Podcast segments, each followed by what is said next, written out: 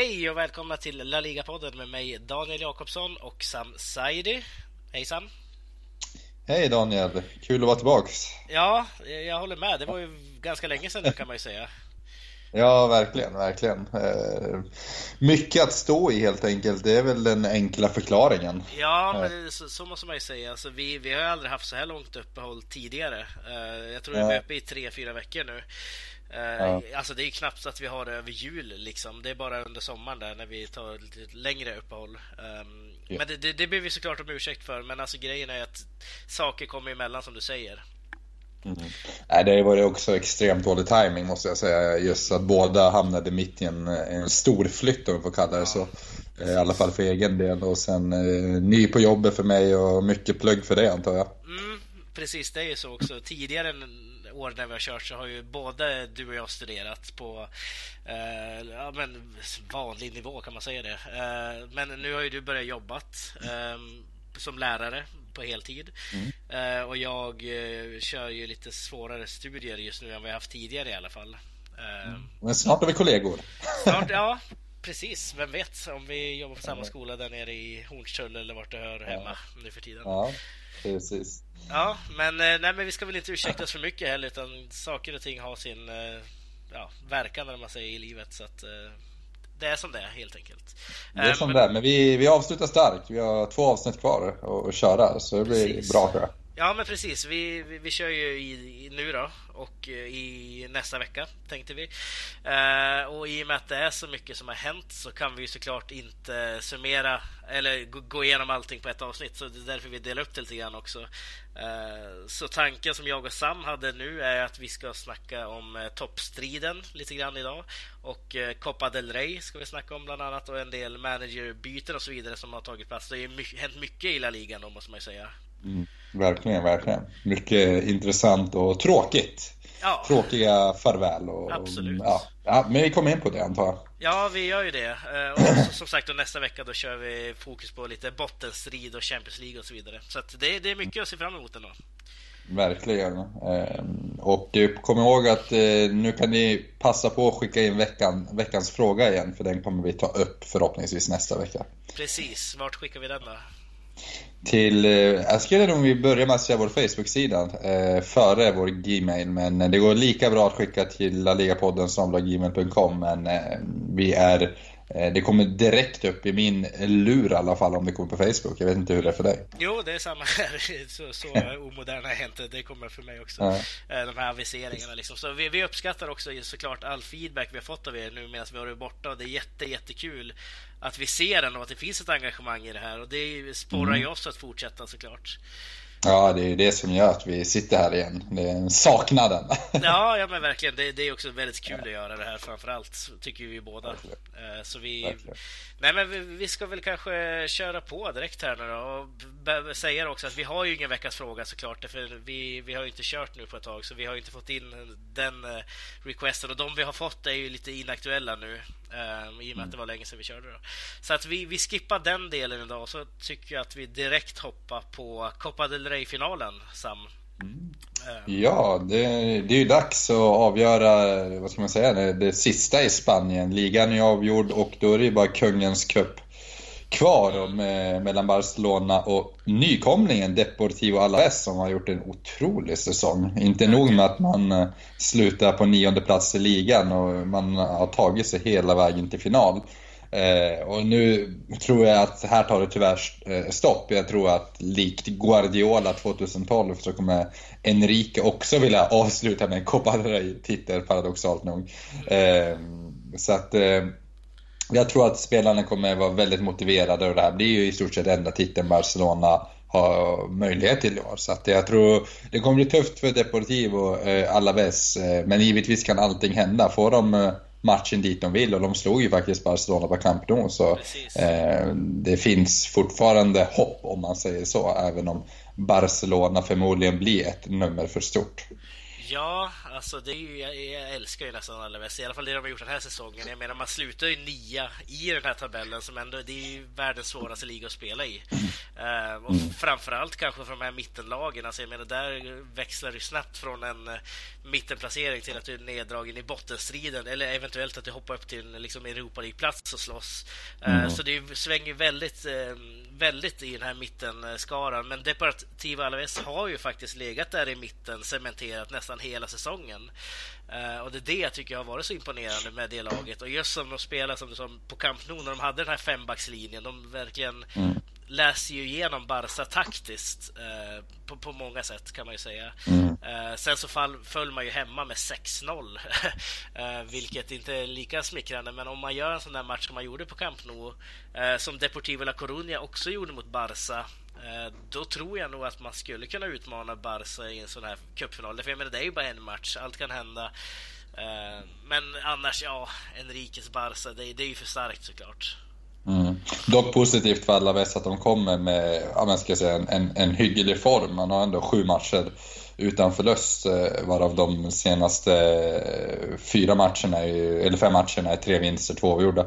Så att eh, det, det ser ju onekligen bra ut, men å andra sidan så ser Barcelona också bra. Jag tycker Barcelona har blivit lite, lite jämnare på slutet efter den här eh, plattmatchen mot eh, Malaga borta och eh, ja, men egentligen efter, efter att man slog Real Madrid på Bernabeu så har Barcelona känts ganska, sta, eh, ganska stabila.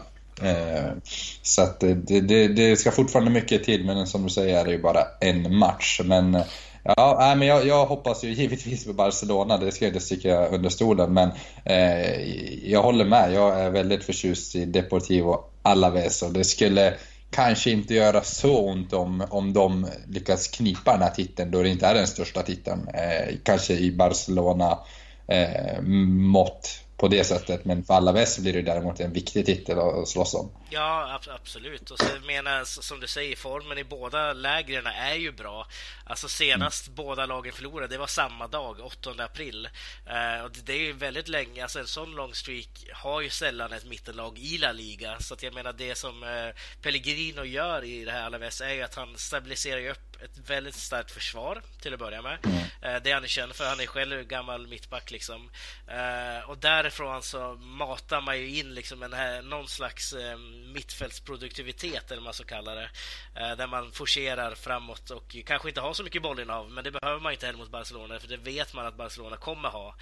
Um, men eh, det var lite intressant det här du sa att det skulle inte göra så mycket om Alaves vinner. Hur, hur tänker du där? Tror inte det är viktigt för Enrique att avsluta väldigt snyggt ändå i Barca? Jo, absolut. Jag tänkte mer från någon slags La Liga, ja, personlig synvinkel, men också någon slags helhetsbild över La Liga så tror jag inte att eh, man som Barcelona-supporter innan säsongen gick och söktade efter en Copa del Rey-titel.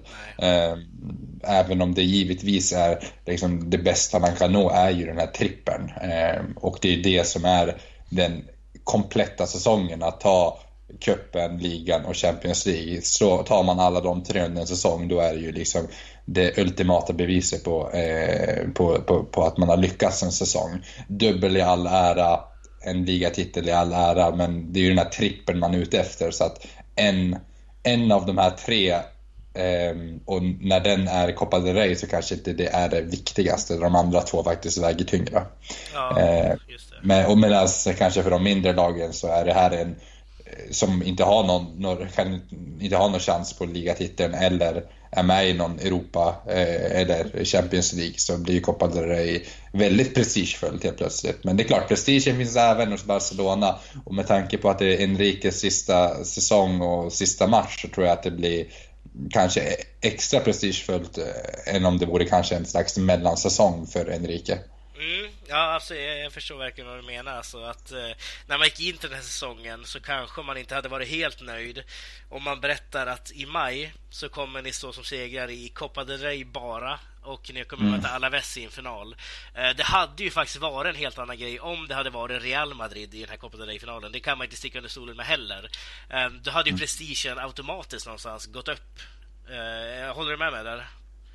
Ja, men det gör jag. Det är lite, där kan man ju jämföra med 2011 när Barcelona vann dubbeln, ligan och eh, Champions League och sen så förlorade de en Copa del Rey-finalen mot Real Madrid i, ja, i, i Valencia där. Ehm, när Ronaldo nickar in den. och det var ju jag tror Real Madrid firade nästan som att, ehm, som att det var en ligatitel eller Champions League-titel. För det var ju ett onekligen stort firande. Men, sen, men det där, där måste man ju lägga in som du säger, den här prestigen just för att det var Barcelona. Då firade man ju egentligen inte bara de facto att man hade slagit eh, eller vunnit Liga Cup eller Copa del Rey utan det faktum att motståndarna var Barcelona. Det var därför det blev så ett stort spektakel. Sen kan man väl lägga in dimensionen med Mourinho versus Guardiola. Rivaliteten nådde väl sin kulmen där på något sätt. Ehm, och sen eh, får man väl också lägga in att det var under en tid då, då Barcelona dominerade i stort sett, där Real Madrid verkligen var flera nummer mindre eh, på, under många år skulle jag säga. Eh, det är ju inte förrän, skulle jag säga, de senaste två åren eh, Real Madrid har gått om Barcelona.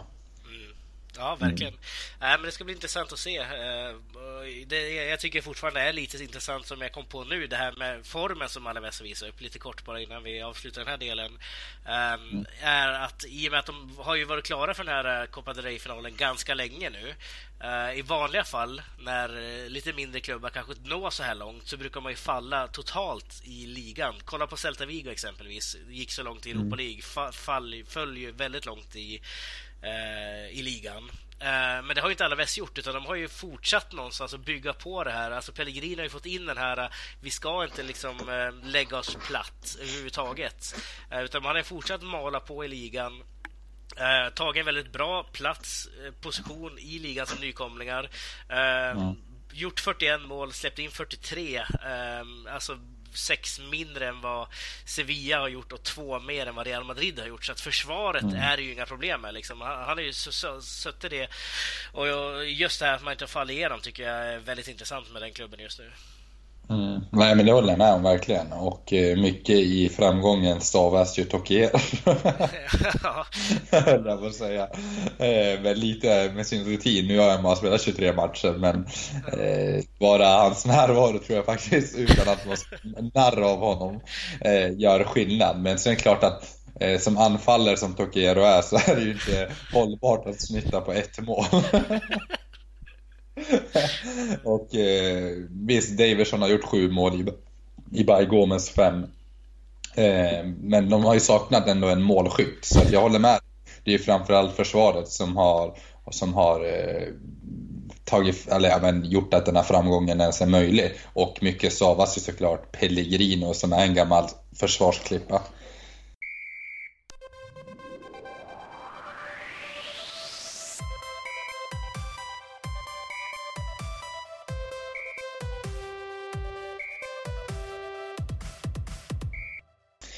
Om vi tittar närmare lite på toppstriden då, eh, tänker mig ja, plats 1-7 ungefär, eh, så tänk, finns det ju en hel del intressanta noteringar om inte annat. Dels skulle jag personligen säga att det kanske inte var överraskande inför de sista veckorna där att Real Madrid skulle vinna ligan.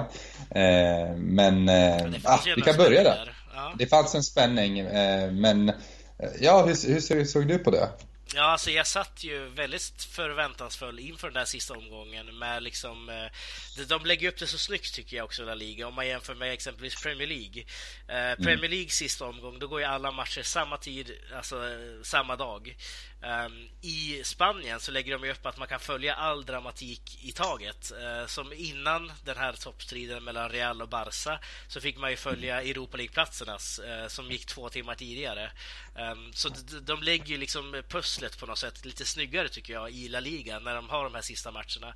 Uh, men dessvärre så tycker jag ju då att um, det, det vart ju inte någon riktig liksom strids på det sättet i och med att eh, Ronaldo gjorde ju mål i första anfallet ungefär. Eh, och det var det sämsta jag sett nästan uh, av försvarsspelaren Villanueva och Luis Hernandez, mittbackarna där i Malaga. Jag vet faktiskt inte vad de gjorde riktigt. Um, har du, du, du har ju sett målet där när de, ja. Luis Hernandez först uh, på något sätt lårar bollen till Isco och Isco hittar ju en perfekt djupledspassning bakom Villanueva som bara står still istället för att följa Ronaldo. och Ronaldo mm. kan ju mm. bara liksom runda Kameni.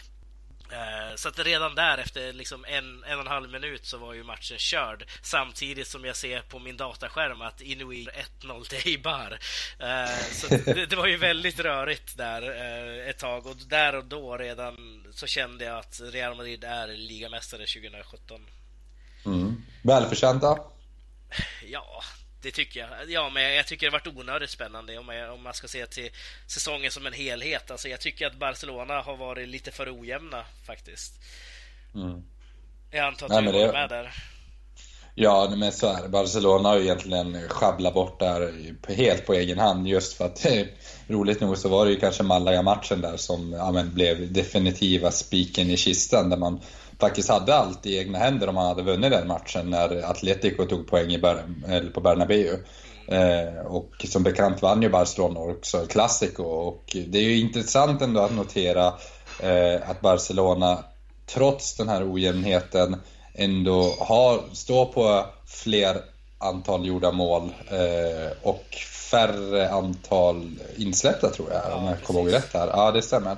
Eh, nu hade jag inte tabellen i huvudet riktigt. Men, ehm, och man tar dessutom fyra poäng, fyra av sex poäng mot Real Madrid. Så det är väl kanske det som, säger, som talar för att Barcelona eh, på något sätt ändå blev, men, om man ska titta tillbaka eh, på säsongen och tänka att men, finns det någonting gott att hämta så får man väl trycka på det lite då. Att man vann den prestigefyllda biten. Men sen är det som du säger, Real Madrid jag vet inte hur många sena segrar det är. De, de, jag tror att vi kan räkna mot, ja men i alla fall två händer, tio, tio gånger höll jag på att säga att Sergio Ramos har avgjort en match i, för Real Madrids favör.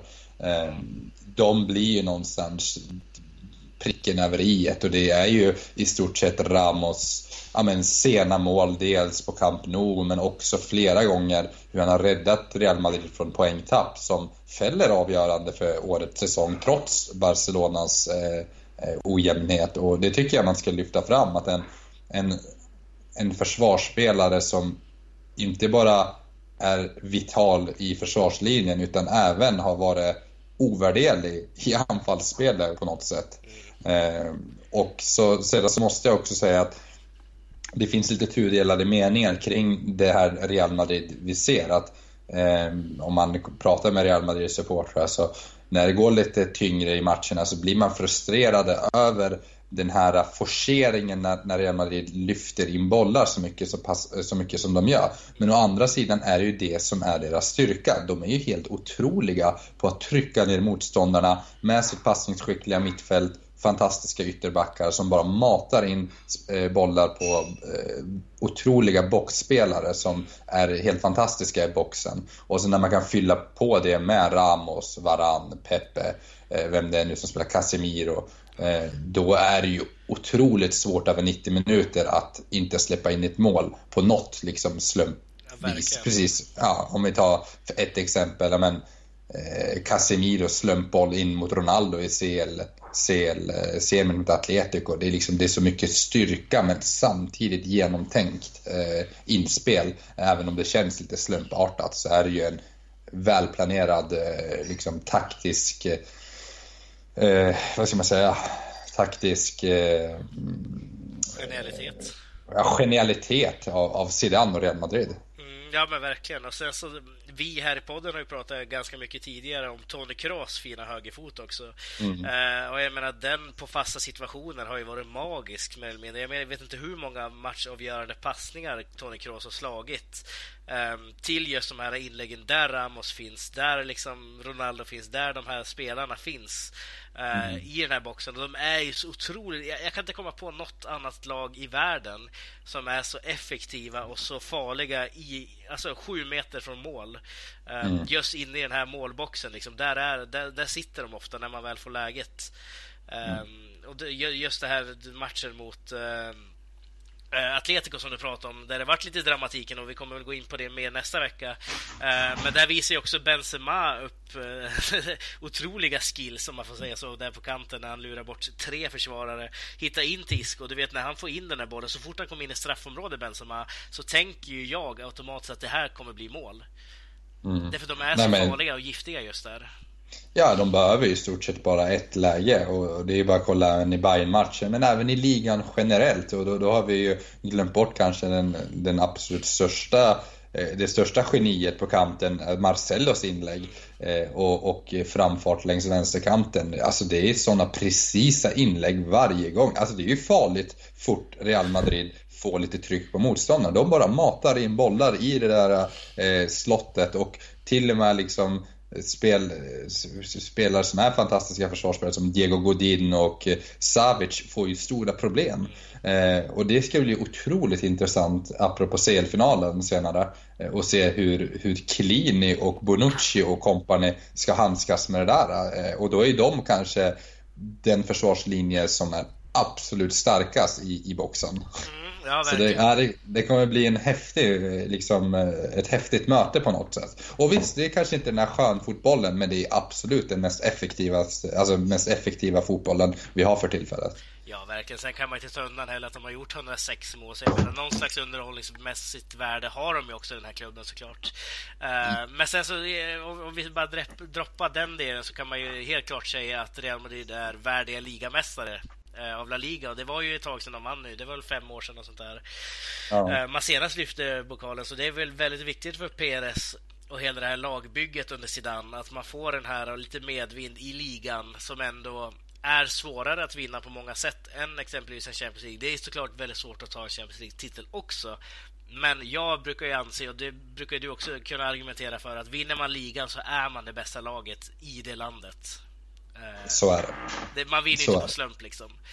Precis, Champions League går att vinna på slump men det går inte, alltså med bland, man måste ha en grundkompetens för att ens komma till toppen i Champions League eh, och det är ofta samma lag som kommer långt men där är det ofta slumpen som avgör i slutändan. Ja, precis. Ja. Eh, men om vi kollar annars då, Atletico Madrid, de säkrade ju också en Champions League-plats. Gjorde det för några veckor sedan. Sevilla får kvala till Champions League. Mm. Kul att ha med dem igen. Ehm, hoppas de klarar sig den här gången och inte stöter på Leicester i nästa... Det kommer de inte göra såklart. Men... Det är väl eh, årets, uh, jag vet inte, flopp skulle jag säga ja. ur spansk synvinkel att Sevilla inte kunde slå ut Leicester. Ja, men verkligen. Det, det var tungt. Uh, men om vi kollar på de andra Europa League-platserna, där var det ju faktiskt lite spänning. Det var ju egentligen där det var mest spänning kan man väl säga. Därför Villarreal, de vann sin sista omgång och säkrade därför sin Europa League-plats. Uh, Real Sociedad uh, och Athletic Bilbao slogs om den där sista platsen, sjätteplatsen, eventuellt sjundeplatsen, beror på hur det går i Copa del Rey. Um, Sociedad kryssade ju sista omgången och fick ju då den här sjätteplatsen som betyder att de får kvala in till Europa League och det var ju otroligt viktigt för dem. Um, mm. Nu sitter ju Athletic Bilbao och håller på Barcelona i en Copa del Rey-final istället. Därför vinner Alaves Copa del Rey-finalen, då går ju de till Europa League istället för Athletic Bilbao. Mm, just det. Så att det var ju ganska intressant hur hur det där gick till. För Athletic Bilbao har ju nästan legat före Lareal hela säsongen tills nu då. Mm. Uh, ja, det där, mm. Nej, men det där är intressant just den där... Uh, det, det, är, det är snälla derbyt som man brukar säga. Ja. så är det de som slåss om just sjätte, sjunde platsen så det var kul. Ja, vadå att Real Sociedad tog den menar du? Ja, det brukar ju vara, eller så här, de brukar ju egentligen, ibland är det Real Sociedad, ibland är det Atletic Club, men jag tycker det är intressant att det, det är just baskerna där som slåss om samma positioner i stort sett. Eh, så det tycker jag är kul på ett sätt att basken får någon slags erkännande. Ja, men precis. Sen hade du ju också Eibar som var där uppe och slogs eh, länge mm. om den där platsen.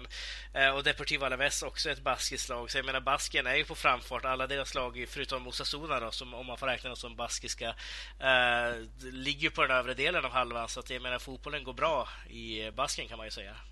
Verkligen. Nu är det bara nästa steg är väl att knipa den där fjärde platsen nästan. Ja, ja precis. Vilket så. lag vill du skicka till Europa League då? Athletic Bilbao eller Deportivo Alaves? Ja, men ja, ja, ja men bra fråga. Jag tror ändå Atletic Club är eh, en bättre representant för Spanien för tillfället i sin helhet. Jag tror att det är en mer stabil klubb. Man vet vad man får. Deportivo Alaves har gjort en fantastisk säsong, men glöm inte, de är nykomlingar. Eh, vi, det finns en stor osäkerhet kring nästa säsong, hur, mycket, hur många spelare man kommer få eh, Eh, hålla, eh, ja, bevara egentligen eller ha kvar. Eh, så att jag tror att det finns en större stabilitet i Atletic Club, vilket också skulle representera Spanien på ett bättre sätt.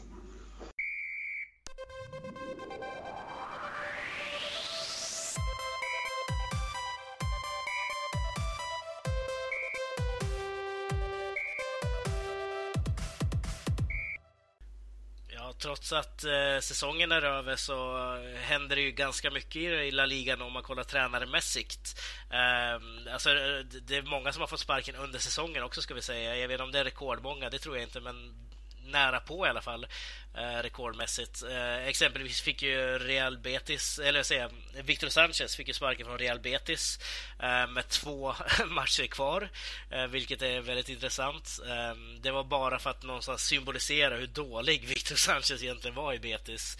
Eh, han var ju den sämsta tränaren de någonsin haft i klubben faktiskt.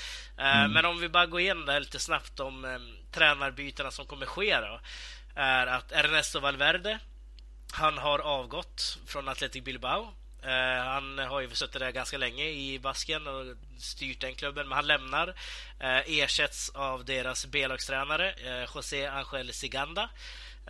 Luis Enrique kommer ju som bekant lämna Barcelona. där har, finns ju ingen ny ersättare klar än. Kiki Setien Hans kontrakt med Las Palmas tar slut och han har ju varit i bråk med ledningen där en del så han kommer inte förlänga. Eh, och, men Las Palmas har inte hittat någon ny ersättare där heller. Eh, interimtränaren Voro lämnar Valencia, eh, ersätts av Marcelino eh, som tidigare har styrt eh, Villarreal. Eh, Victor Sanchez som sagt eh, lämnar, fick ju sparken och eh, deras interimtränare Alexis Trujillo, Trujillo, Trujillo, jag vet inte uttala riktigt, mm. han kommer ju lämna därför man ska ju ha en permanent ersättare till Betis, till Sanchez där. och sen då Eduardo Berizzo, hans kontrakt tar slut med Celta Vigo också och han har meddelat att han inte kommer förlänga. Eh, så Celta Vigo står också utanför, utan manager. Eh, och så ryktas det ju då att San Pauli ska ta över Argentina och i så fall står Sevilla utan tränare. Ehm, mm. Och någonstans här så, så, så, känner man ju att det kommer hända mycket i sommar i La Liga. Känner inte du också det? Att det, det, det är många klubbar som söker en ny identitet på många sätt. Det är otroligt många klubbar och eh, vi pratade nu innan innan eh, sändning också om den här dominoeffekten som du var inne på, att det kan bli en slags kedja av tränarbyten. Eh, du kan ju själv utveckla det, hur du, hur ja, du förklarar det för mig. Precis, nu, nu kan man ju säga då att det är ju mest rykten till att börja med, mm. för det är ju ingenting som är klart, men det kanske ligger någonting i de här ryktena i alla fall.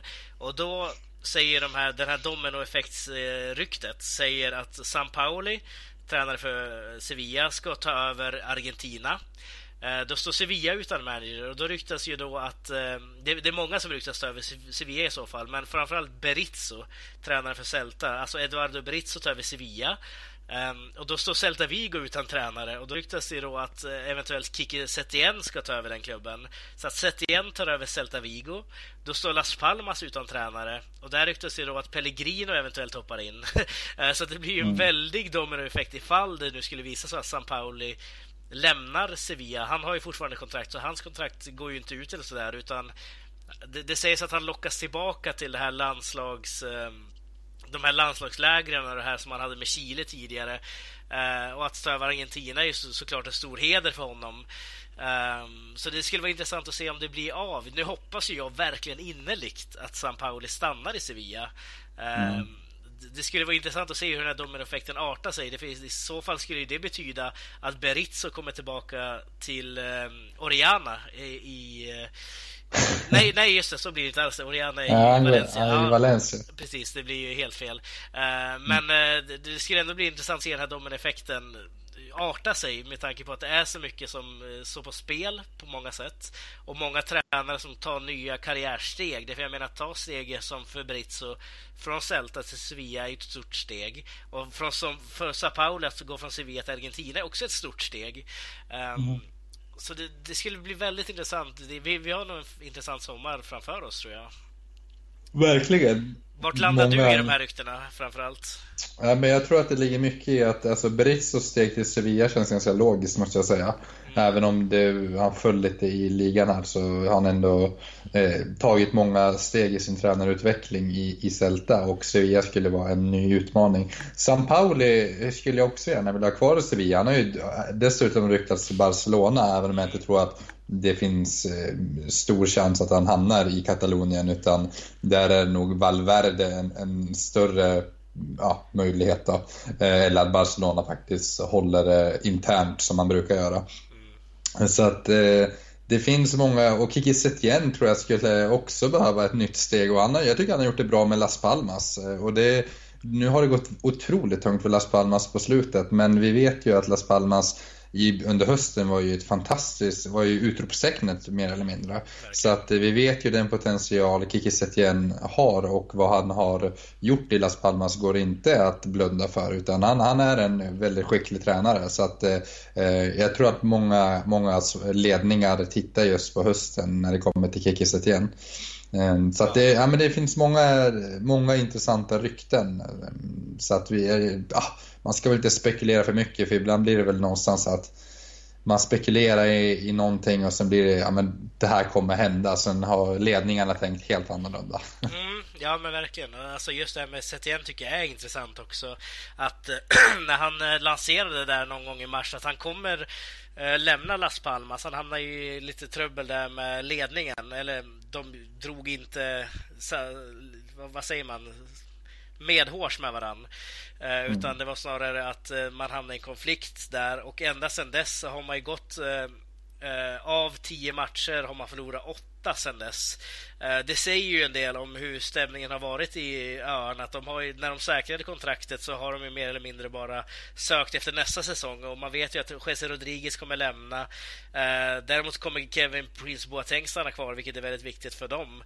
Ehm, så att den som tar över det här Las Palmas har ju ändå goda förutsättningar tycker jag eh, och, bygga på det här. Och exempelvis om Pellegrino tar över det här. Vi vet ju hur hur, hur han bygger sitt försvar och det behöver ju verkligen Las Palmas. Alltså jag menar, man har ju släppt in 74 mål på 38 matcher och det är ju inte acceptabelt på något sätt. Eh, så där skulle Pellegrino kunna börja, därför han har ju redan en ganska bra fungerande offensiv i Las Palmas. Mm. Ja, verkligen. Och Las Palmas, eh, nu vet jag inte hur det ser ut för Jonathan Viera, om det var någon ryckning kring honom. Eh, men får man...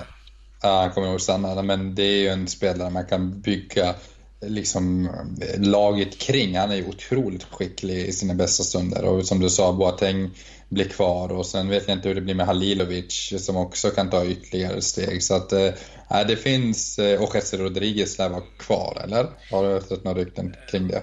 Jesse kommer lämna. Uh, han, ja, han kommer lämna. Ja. Ah, Okej, okay, Jesse kommer lämna. Ja, men det finns mycket, mycket intressanta spelare att bygga kring och några nyförvärv på det här skulle göra truppen otroligt intressant. Men oj, vilken dålig form de har. ja, verkligen. det är helt...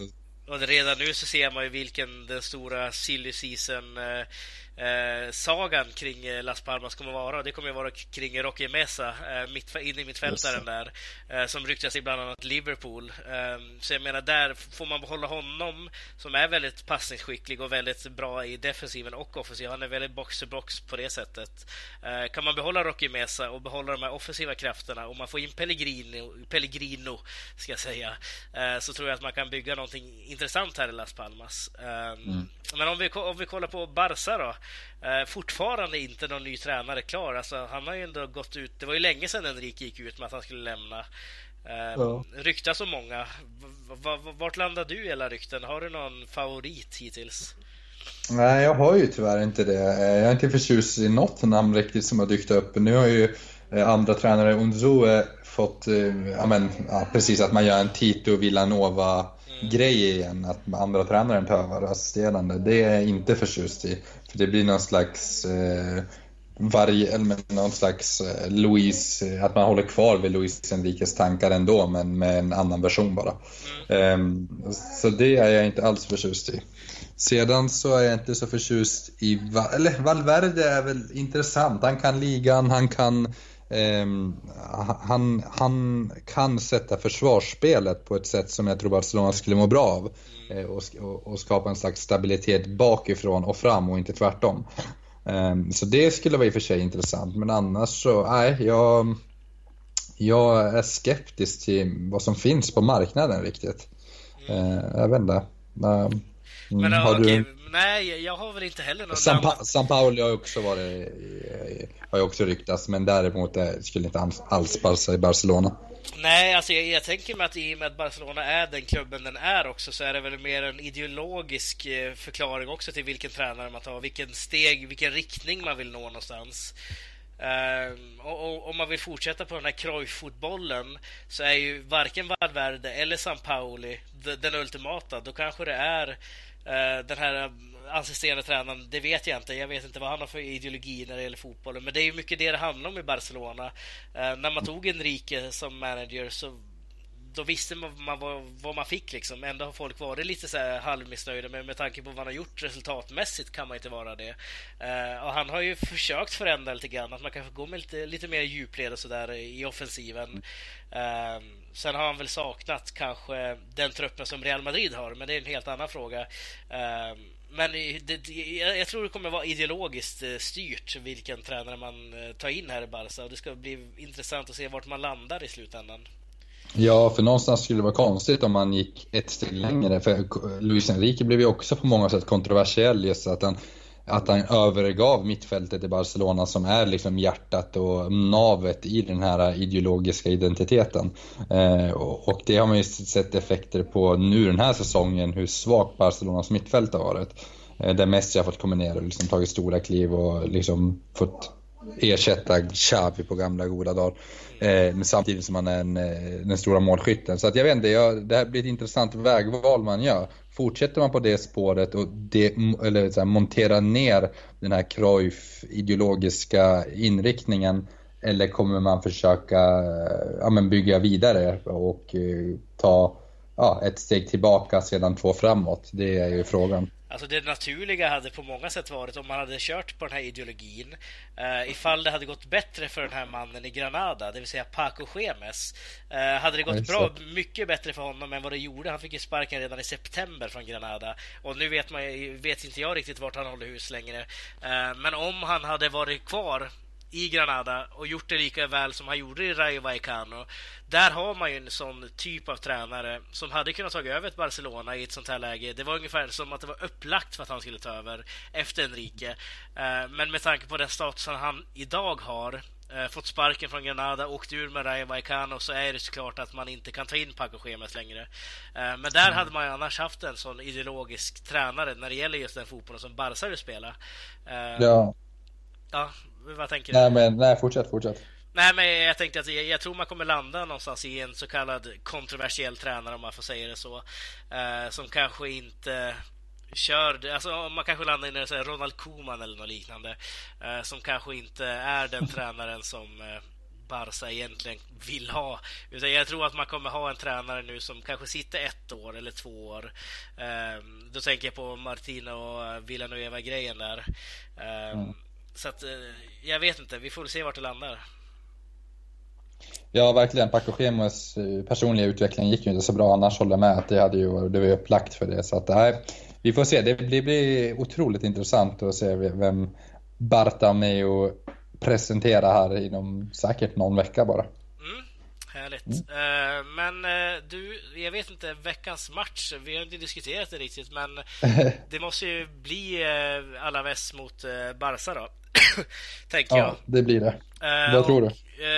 vi, vi behöver ju inte redovisa förra veckans resultat eller i och med att det var en månad sedan, så det känns ju lite irrelevant. men cupfinalen skulle jag vilja säga att jag, jag, jag ger ju såklart Barcelona den här matchen och jag, jag, tror att man kommer också stöka av den här ganska tidigt med typ ja, med 4-0 tror jag till Barca i cupfinalen faktiskt. Oj. Ja, jag, jag tror att det blir någon islossning sista matchen. Enrique får fira en sista gång med gänget liksom. Mm. Ja, men det, jag hoppas på det och jag tror inte på 4-0, men ska vi säga 3-1 låter väl logiskt. Ja, 3 till Barca, 4-0 till Barca. Ja, Men, det, ja, men det, det, låter väl rimligt ändå med tanke på det, det vi gick igenom i del 1 och sådär också. Att eh, det är ja. sista matchen för Enrique och så vidare. Yes, vi spikade. Ja, men ska du köra din ökända slash kända veckolista Sam? Ja, nej, men vi får väl summera säsongen egentligen eh, och vi får väl ge den här eh, sista, eller vi ska inte summera säsongen, det kommer vi göra nästa vecka. Eh, men jag skulle vilja ge, och då är det väl baserat på flera veckor, jag skulle vilja ge Isco som har gjort en fantastisk senaste, senaste månaden. Har tagit, slagit sig in i den här startelvan permanent skulle jag säga och gett en ny dimension i Real Madrid. Han förtjänar en veckans Tokiero definitivt. Ja, det är ingen snack om saken. Ja, han har varit fantastisk. Eh, jag tror att det blir svårt för Bale att ta över den här positionen. Ja, verkligen, verkligen. Ja.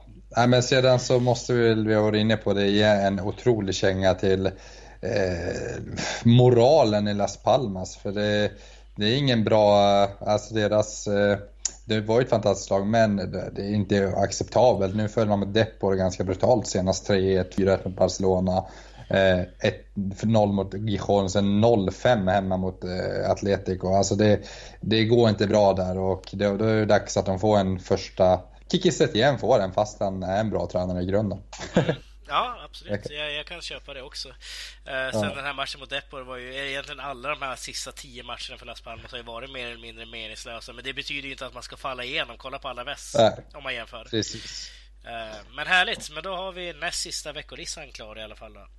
Ja, bra. Eh, men eh, vi kör väl på en vecka till då. Sen så tar vi sommarlov.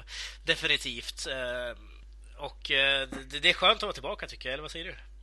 Ja, kul, kul. Men nu är det ju efter Copa del Rey så har vi också ett spanskt lag i CL-final som vi får diskutera nästa vecka. Det blir kul att se. En bra final. Ja, precis. Vi får väl lägga en liten teaser till nästa vecka där vi kommer gå igenom bottenstriden. Eh, vi kommer mm. gå igenom hur det ser ut i Segundan, vilka som tar klivet upp till eh, La Liga. Eh, och så Champions League då förstås, som vi kommer lägga ganska mycket krut på mellan Real Madrid och Juventus. Och kanske mm. redovisa hur det gick i Copa del Rey-finalen också. Ja, precis. Ja. Men eh, då tackar vi för oss och som sagt skicka era frågor och ämnen och synpunkter och så vidare till laligapodden.gmail.com eller till vår Facebook-sida som Sam gillar att uh, få lite notiser om som sagt. Um, det uppskattar vi. Yes. Men då tackar vi för oss. Tack så mycket. Hej då! Hej då!